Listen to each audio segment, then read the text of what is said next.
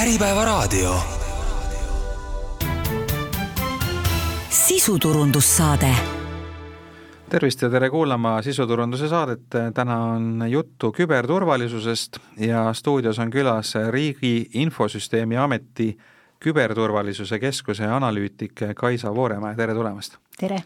mina olen saatejuht Ando Sinisalu ja see saade on eelkõige suunatud äh, väiksemate ja, ja, ja keskmise suurusega ettevõtetele, neile, kellel endal maja sees ei ole äh, küberturvalisuse osakonda või või spetsialiste ja kes äh, peavad siis ilma selleta hakkama saama, aga ometi puutuvad erinevate probleemidega kokku, et RIA-l, Riigi Infosüsteemi Ametil on ilmselt hea ülevaade selle kohta, mis turul tervikuna toimub, et kui hull see küberrünnakute Äh, olukord praegu on just, kui, me vaatame ettevõtted, et kui tihti neid ründeid tehakse ja, ja on selle kohta võimalik mingisugust ülevaadet anda? kui ma mõtlen nüüd äh, statistika peale, siis äh, meie intsidentide käsitlemise osakond saab umbes kakskümmend seitse tuhat pöördumist aastas.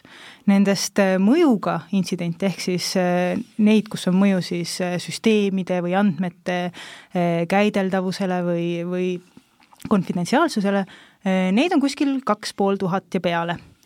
Nendest ettevõtetega, äh, mis juhtub, on keeruline selles mõttes öelda, et ettevõtted ei pea meile alati teada andma, et äh, nendega midagi juhtus. aga me näeme, et tavapärased sellised ettevõtetele suunatud ohud, õngitsemine, erinevad pettused, pahavara, mis neid mõjutab, neid on ikkagi sadades.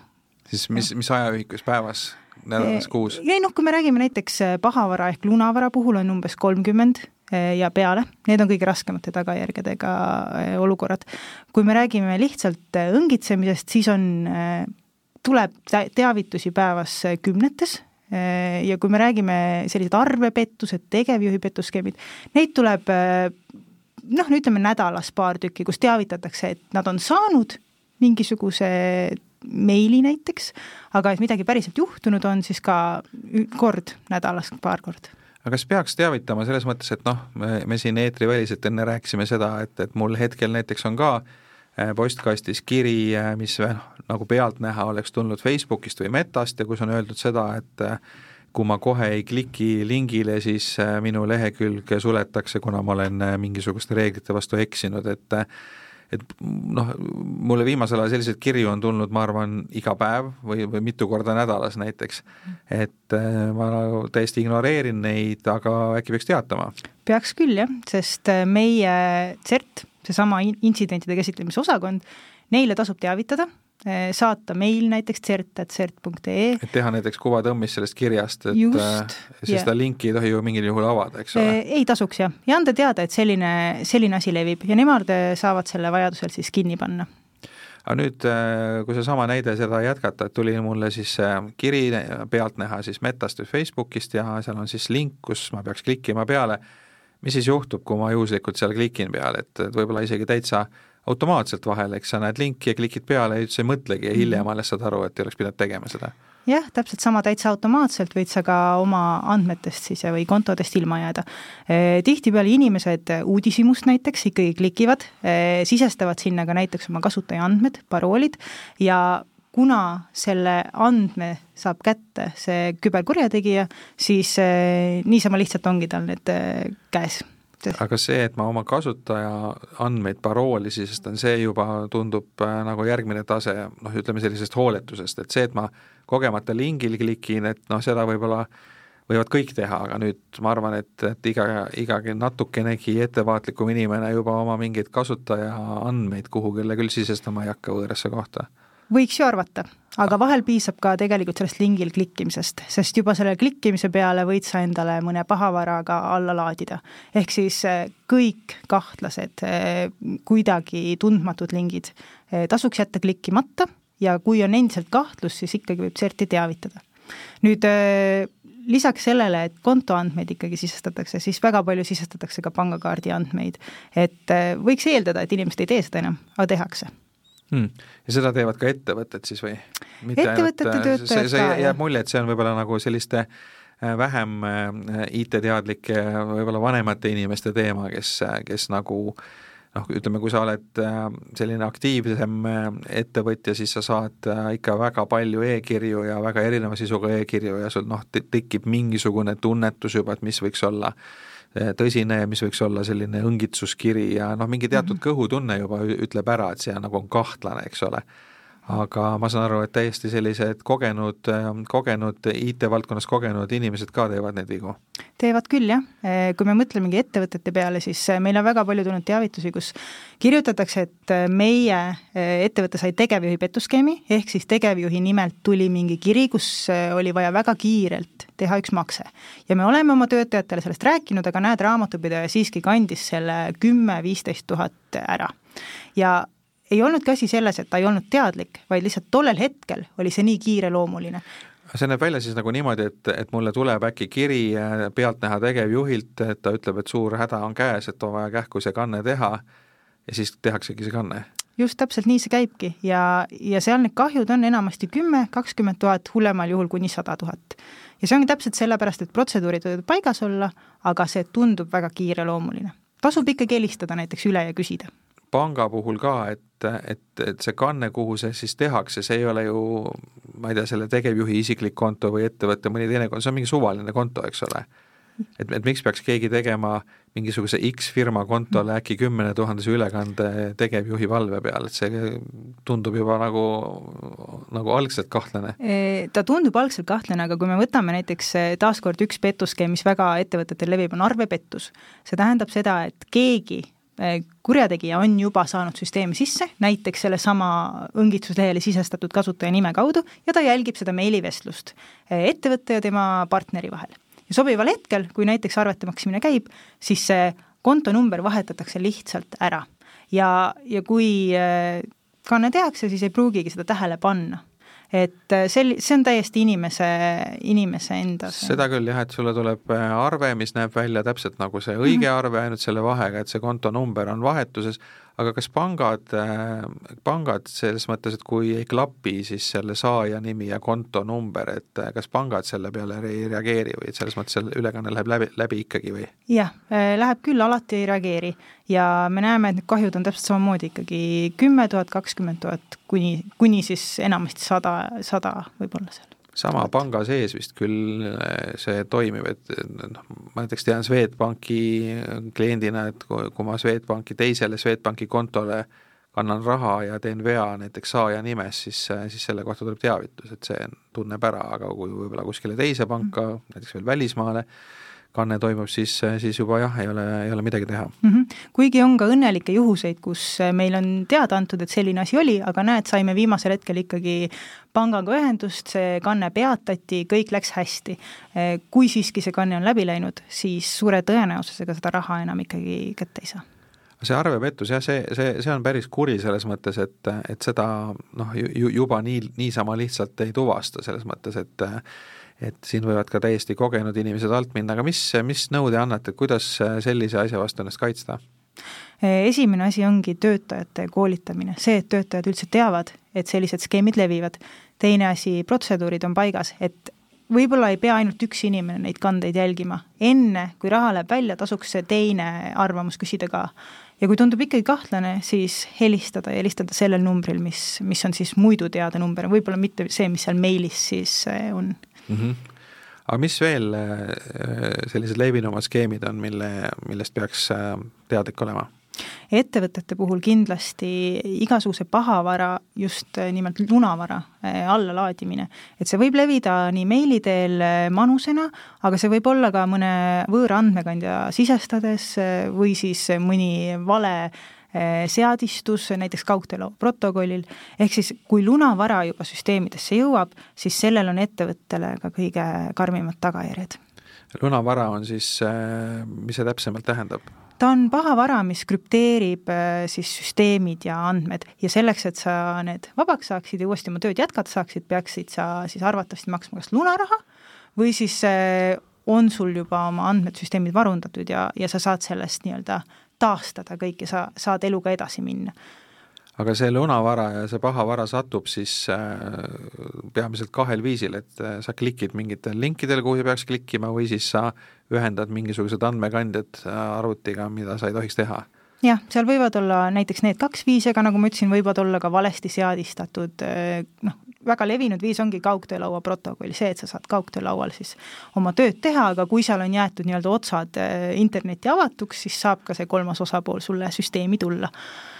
nüüd äh, meie soovitus alati on, et mitte maksta, sest see ei taga, et su andmed sulle ava-, tagas, tagasi antakse, et sa saad tööd jätkata ja ka seda ei taga, et neid andmeid ei lekitataks, sest tihtipeale lunavaraga kaasneb see andmelekka ähvardus.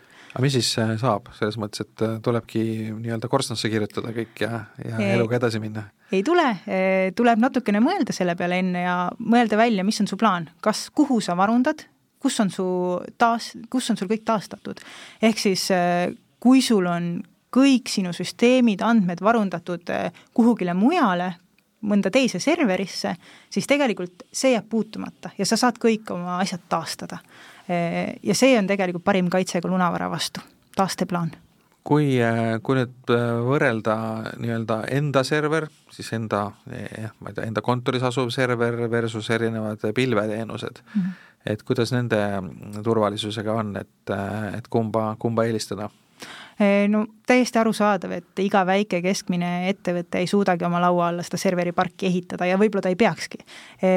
Siin tuleb mängu, et kas sa võtad endale mõne kolmanda osapoole appi, mõne IT-teenuse pakkuja, või siis tõesti see pilvevariant, et seal tuleks kaaluda kindlasti riskid, positiivsed pooled läbi, aga, aga väikse, keskmise ettevõtte puhul see võib olla täiesti turvaline ja okei vari-, variant, mida kaaluda kas pilveteenuse puhul on ka mingi vahe, et, et kas kasutada mõnda sellist globaalset hiiglast nagu Google või Microsoft või Amazon või siis mõnda väiksemat kohalikku tegijat, et kas seal on ka mingid erinevused või kas see, kas see Google'i pilveteenus on äh, kindlam kui, kui mõne kohaliku pakkuja oma?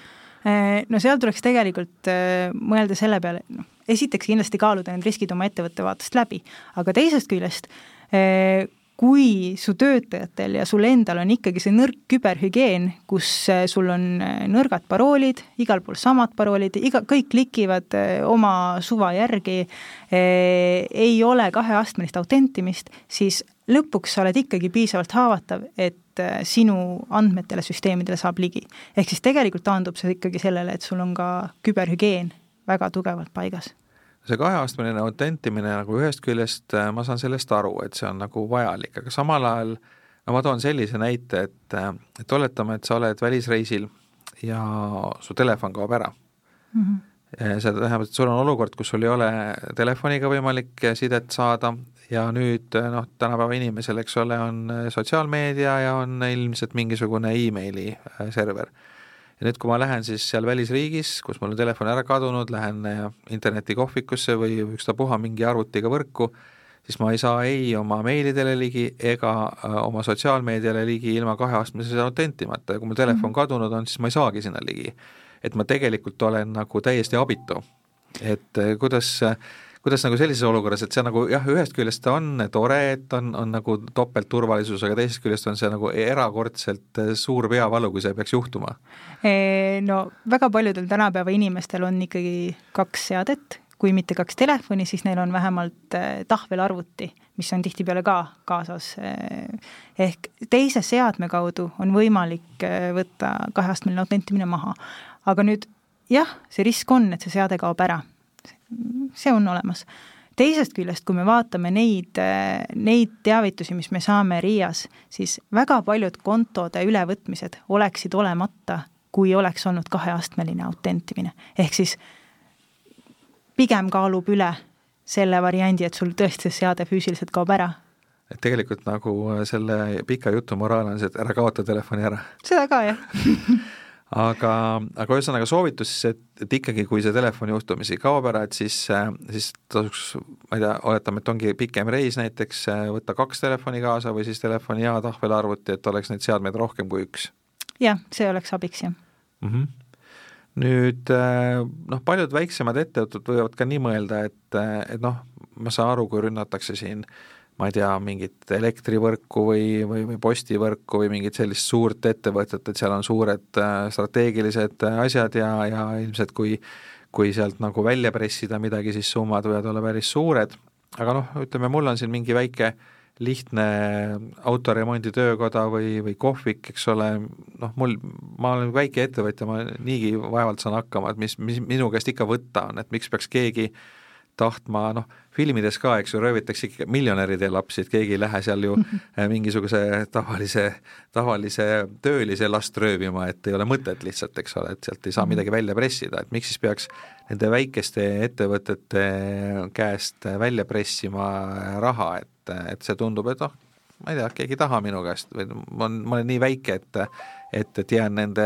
petturite radari alt välja Võiks ju arvata jah nii, aga tegelikult äh, tihtipeale ei sihitagi konkreetselt seda või toda ettevõtet, vaid äh, vaadatakse, kus on haavatavused, kus on nõrkused. seda teeb ilmselt mingi robot ka, eks ole, et see ei olegi nii, et keegi nüüd valib mind välja just, et see on mingi robot, kes juhuslikult, ma jään talle ette lihtsalt. jah, selles suhtes need on automatiseeritud rünnakud ja, ja siin aitab ainult see, et et haavatavuste ja igasuguste turga, turvanõrkuste paikamine on väga täpselt äh, hallatud. see tähendab, et on alati inimene, kes vastutab selle eest, et nad oleks äh, paigatud ja, ja siis ka kaob see võimalus, et keegi nende nõrkuste kaudu sinuni jõuab mm. -hmm. et ikkagi nagu kõige nõrgem lüli ikkagi on inimene selles süsteemis, et, et, et põhimõtteliselt need enamik rünnakuid juhtub seetõttu, et keegi inimene, kas siis on rumalusest või, või siis kogenematusest mingi vea teinud mm. -hmm. alati on kõige nõrgemini,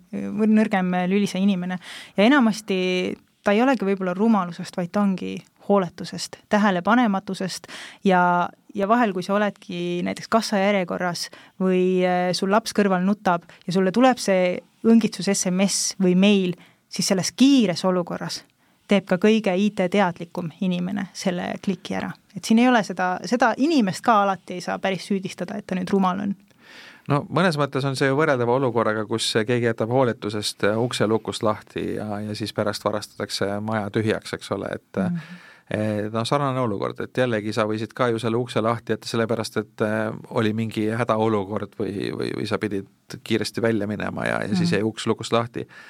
et, et kuidas see nagu praktika ette näeb, et kui palju ettevõtetes nagu inimesi vastutama pannakse selle eest, et oletame, et keegi hooletusest äh, avaski selle õngitsuskirja või, või, või siis pani mingisuguse mälupulga sinna, võõra mälupulga ettevõtte arvutisse, mida poleks tohtinud teha ja siis juhtus kahju, et, äh, et kui palju neid näiteid on, kus reaalselt inimene siis, ma ei tea, maksab trahvi või, või ma ei tea, kaotab töökoha või mis iganes karistus seal on? vot seda ei oska öelda, kuidas ettevõtetes selline, sellega toim-, noh, selline praktika on, et mis nad nüüd selle inimesega konkreetselt teevad. pigem tasuks siin võtta kaasa see õppetund, et miks juhtus, mis juhtus ja kuidas me saame tulevikus seda vältida. ehk siis eh, panna paika selline riski maandamise plaan. Eh, mis me teeme, kellele me teavitame, eh, kuidas me ennast taastame? Ja, ja kindlasti töötajate koolitamine, et ühest korrast koolitamisest ei piisa, et see oleks ikkagi regulaarne. Nii et, et ütleme siis ka kõige väiksemale ettevõttele, sellise noh, nii-öelda ühe-kahe inimese ettevõttel on, on tegelikult need sammud, mida teha, on siis äh, kõigepealt see selline üldine koolitus, et teatakse, et mis äh, ohud on, eks ole, siis teine asi on see, et andmeid kindlasti varundada, et äh, oleks see plaan, kuidas seda regulaarselt teha. Mm., siis järgmine samm on see, et kui juhtub mingi intsident, et siis mida siis teha, kuhu teatada? Ja no ma alustaks võib-olla sellest, et esimene samm on, et sa teed endale selgeks, mida sul on üldse kaitsta vaja. ehk siis mhm. teed inventuuri, mis riistvara, mis tarkvara sa kasutad, eh, mis süsteemid sul on. kui sul see on selge, siis sa saad juba mõelda, kuidas sa kaitsed seda. et millised ongi su see uuenduste eh, haldamise poliitika, kuidas turvanõrkused on, eh, on siis paigatud, kuidas sa oma inimesi kaitsed, milline seesama paroolipoliitika on, kaheastmeline autentimine ja töötajate koolitamine. ja sealt edasi juba saab mõelda varundamise peale ja, ja seesama, et kui nüüd juhtub, mis me teeme. aga mis siis äh, teha, kui juhtub? Äh, kui juhtub, siis tasuks alustada ka sellest, et äh, mis selle intsidendi allikas on, mis üldse juhtus. Teha selgeks siis see mõju ja kui on mõne IT-teenuse pakkujaga nüüd partnerlus, keegi pakub teenust, teavitada seda IT-teenuse pakkujat ja taaskord teavitada siis CERT-i ka, sest CERT saab vajadusel anda nõu ja juhendada. no kui, juhtub mingi muu õnnetus, siis meil on politsei ja tuletõrje, kiirabi, et kas IT vallas ka midagi sellist on? Tegelikult saabki öelda, et CERT on natukene nagu küberruumi üks, üks, kaks, sest meil on kakskümmend neli seitse inimesed füüsiliselt majas koha peal ja seiravad kogu aeg küberruumi. ehk siis kogu aeg saab selle teavituse teha ja tasuks ka kaaluda, et kui midagi on juhtunud, kas peab ka PPA-d teavitama ja kas on andmeid lekkinud, sest siis on kohustus teavitada ka Andmekaitse Inspektsiooni. -hmm. ja, ja kas sealt saab, CERT-ist saab ka abi selles mõttes, et see on nagu koht, kus registreeritakse intsidendid, aga aga kas nad annavad ka nõu, et mida nüüd teha? jaa, annavad täitsa nõu, vajadusel juhendavad, suunavad Eh, ehk siis see ei ole lihtsalt meie statistika kogumine, vaid sinna saabki päriselt pöörduda abi saamiseks. Ja seda nii eraisik kui ka ettevõte. Ja kuidas see, kuidas see käib, see ütleme, võib-olla ma ei saagi meili saata, et mul on kõik süsteemid maas, et eh, jah, saab eh, helistada, saab teavitada siis sellise raporteerimise süsteemi kaudu, mis on RIA kodulehel, või siis saab selle meili saata, ehk siis kui telefon ikkagi toimib, siis helistada saab ka. Mm. -hmm nii et äh, need andmed, kuhu teatada, on, on veebist kergesti leitavad, aga, aga CERT mm -hmm. on siis nii-öelda küberkiirabi mingil määral. laias laastus, jah.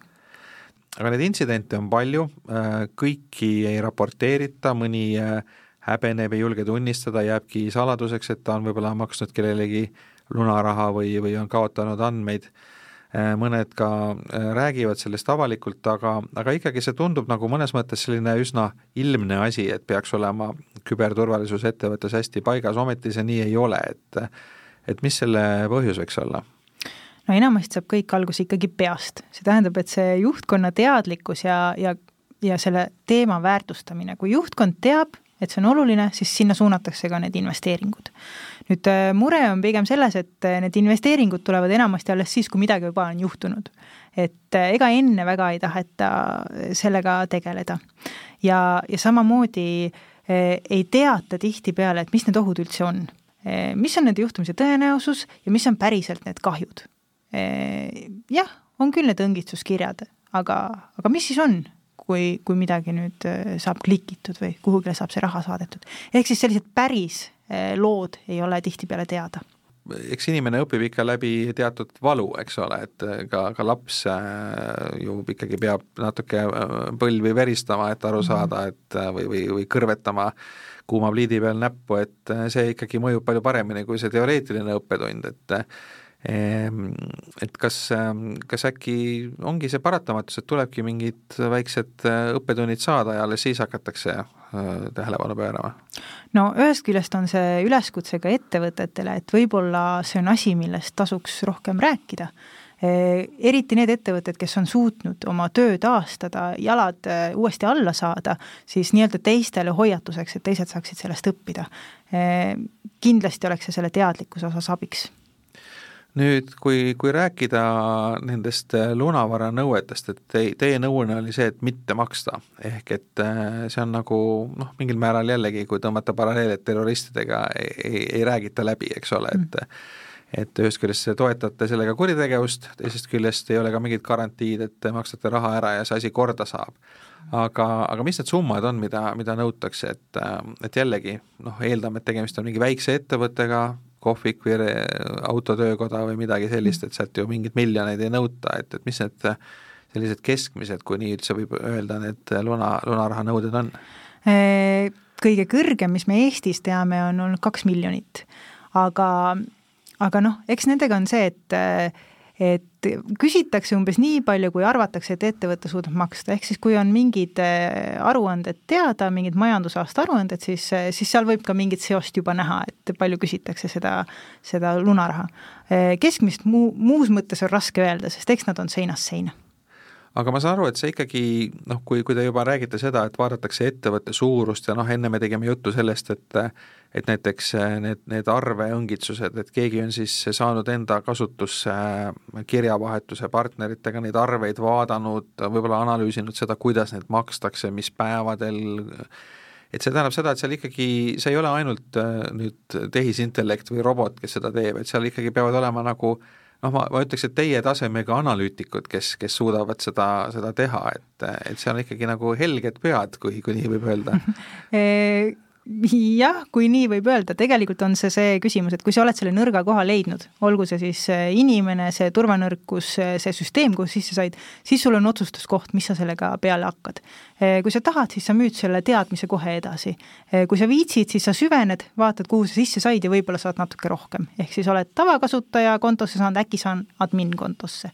äkki on mõni suurem partner. ehk siis võib-olla ongi süvenetud ja vaadatud, kuhu on saadud ja sealt edasi mõeldud, et selge, nii palju saan küsida võib-olla lunaraha eest, nii palju saan arvepettusega välja, välja võtta, ehk siis see otsustuskoht.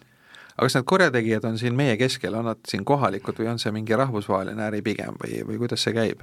ega küberturvalisus, turvalisusega on jah nii, et see on väga globaalne, eh, väga keeruline öelda, kus nad viibivad, need kurjategijad, nad võivad olla kohapeal, võivad olla ka täiesti teises maailma nurgas aga te enne ütlesite, et, et PPA-le võiks mõnel juhul teatada, et jällegi noh, üldiselt äh, need politseiorganid on ju kohalikud, et kui see kuritegevus on rahvusvaheline, et siis on päris keeruline neid rahvusvahelisi võrgustikke ka nii-öelda vahele võtta ja karistada, et, et kuidas see käib?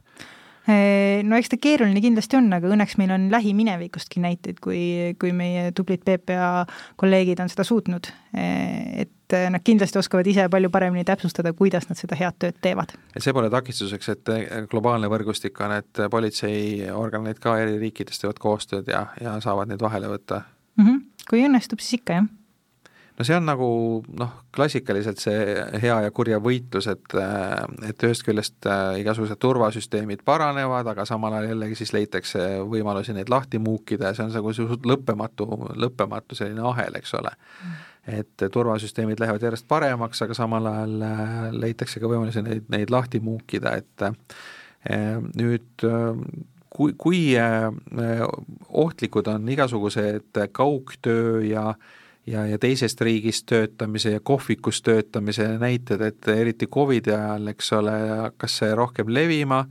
et mhm. inimesed on üle maailma laiali, suvalistes wifi võrkudes võib-olla üldsegi teevad tööd ja, ja see avab ju tegelikult selle ettevõtte noh, nii-öelda neid turvaauke on tunduvalt rohkem, et mis siin nõuanded on, et kui kui on selline organisatsioon, kus on noh, ma ei tea, kas või vabakutselisi palju, kes näiteks töötavadki üle maailma laiali, eh, kuidas siis saavutada seda, et, et oleks ikkagi turvaline see kõik? Mm. -hmm. no esimene asi on kindlasti vältida neid samu igal pool vabasid äh, wifi võrke.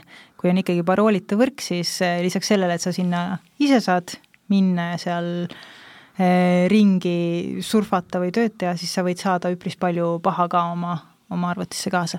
ehk siis vältida neid ja, ja teisest küljest kõik kodused ruuterid, kodused võrgud, vahetada ära need vaikaparoolid, need nimed, vaadata, et ikkagi uuendused oleksid tehtud, turvanõrkused paigatud. Ja tasuks ka mõelda, et väga palju tänapäeval just ostetakse oma seadmeid kuskilt kolmandatest riikidest, suvalistest poodidest, kes on selle seadme tootnud, kas ta neid pai-, pa-, turvapaiku veel välja annab, kas seal üldse tulevad mingid turvauuendused, ehk siis äh, see, et sul on äh, võrgus äh, beebimonitoridest kuni ma ei tea, tolmuime ja külmkapini, on tegelikult risk, sest kõik need seadmed võivad olla turvanõrkustega, kõiki neid võib ära kasutada, siis tasub alati juba soetamisel sellele mõelda no just, äh, mulle paigaldati mõni nädal tagasi uus õhksoojuspump ja, ja see äh, läheb wifi võrku. ja paigaldaja soovitas, et see on väga mugav, et ma saan siis distantsilt seda juhtida ja, ja ise kodust ära olles ka juba toa soojaks kütta umbes, et et kas sellist asja nagu üldse on mõistlik teha või?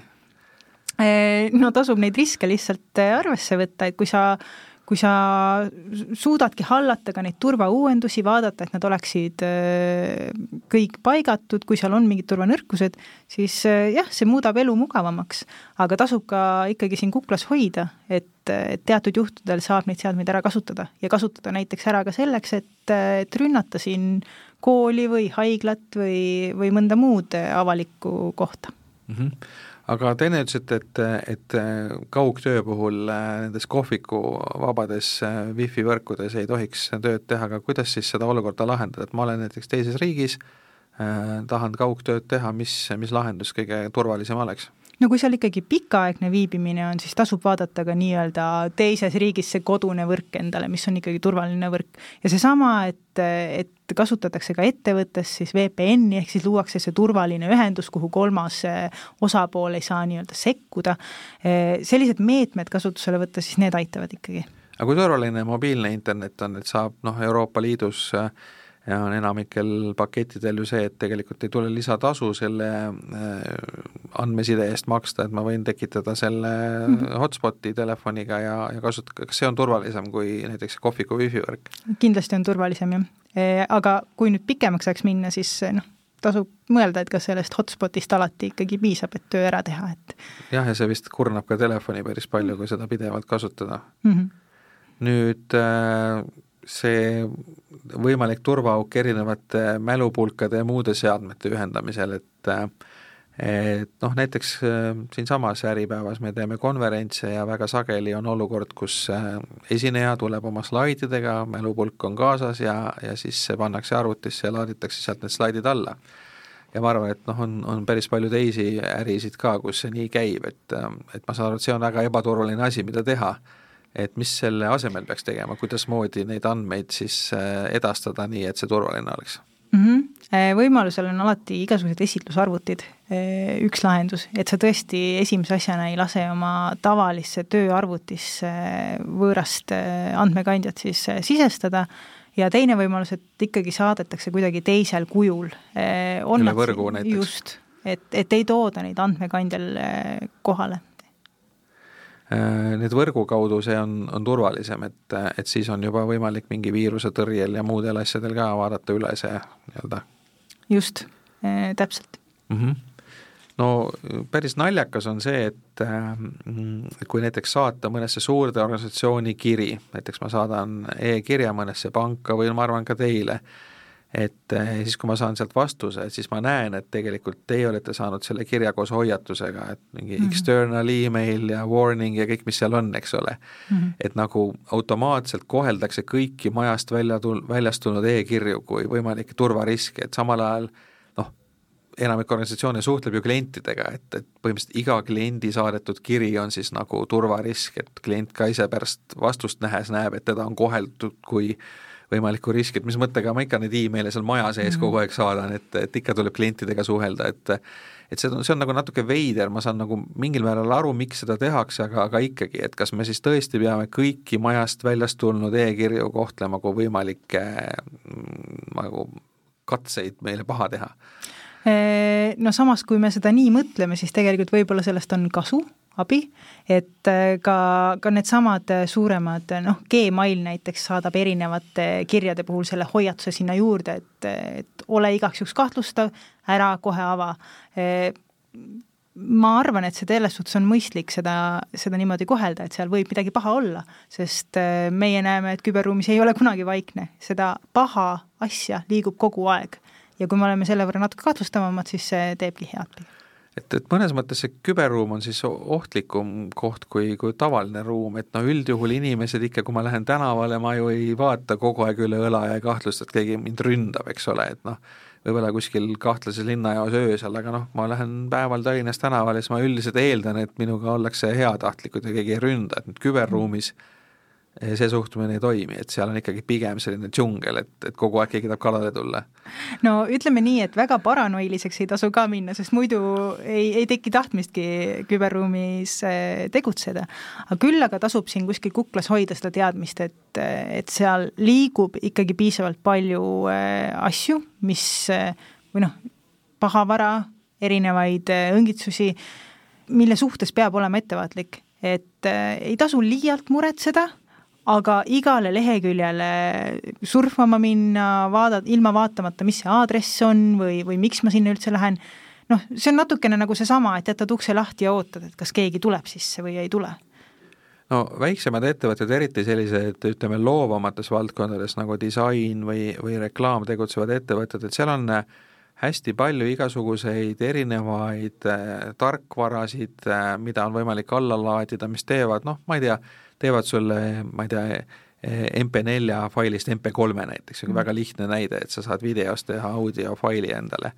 ja, ja noh, sa avad, guugeldad nagu mingi tasuta variant ja siis noh, siis vahel tuleb midagi alla ka laadida ja ma pean tunnistama, ma olen ise ka päris palju selliseid asju teinud, aga ma tean, et seda nagu ei tohiks teha, et, et kuidas selliseid olukordi lahendada, et kui on tõesti vaja mingit sellist nagu lihtsat äh, faili konverteerimist või mingit sellist väikest toimingut teha äh,, mille jaoks noh, üldjuhul tuleb siis endale midagi alla laadida, siis teha see üks või kaks liigutust ära ja võib-olla mm -hmm. rohkem seda ei vajagi, eks ole, et mul pole mõtet ka osta mingisugust tarkvara selleks, et võib-olla korra aastas mingisugust äh, konvertimist teha et selliseid olukordi tegelikult noh, ma, ma tean, et sellistes reklaami, disainibürodes näiteks tuleb väga tihti ette, et mis selline mõistlik lahendus sellises olukorras on? kui neid olukordi ikkagi väga tihti ette tuleb, siis tasuks kaaluda, et saaks kuskilt ametlikust poest ikkagi soetada selle tehnoloogia, mille abil siis need tihedad olukorrad lahendada ja, ja ametlikul, ametliku siis mõne,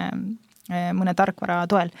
aga aga tasuks ka seda mõelda, et, et kõik need ähm, noh, konver-, konver-, konverteerimise süsteemid, erinevad rakendused, kus seda teha saab, ka nende allalaadimisel äh, kasutada ametlikke poode, kui me räägime ka näiteks rakendustest, mis nutitelefoni tõmmatakse, siis teha seda kas siis Apple'i poest või siis Google Playst, ehk siis et ta oleks ametlikust kohast ametlik rakendus mm. -hmm. ja selle peale tihti inimesed ei mõtle ka, et, et need äpid või rakendused, mis ta alla tõmbavad, nad võivad samamoodi väga palju paha sisaldada.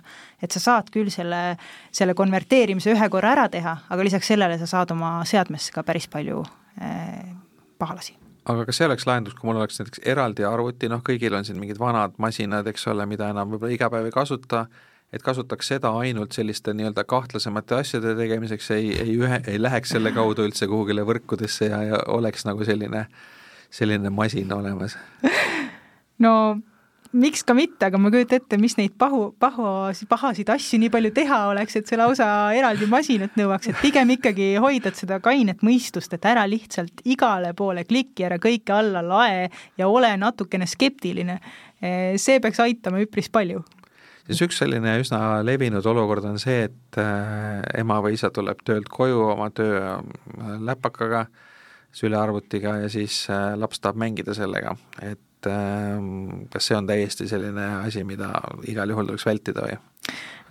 no meie sõnum on küll see, et, et töö ja eraelu võiksid nagu seadmete mõttes jääda täiesti eraldi.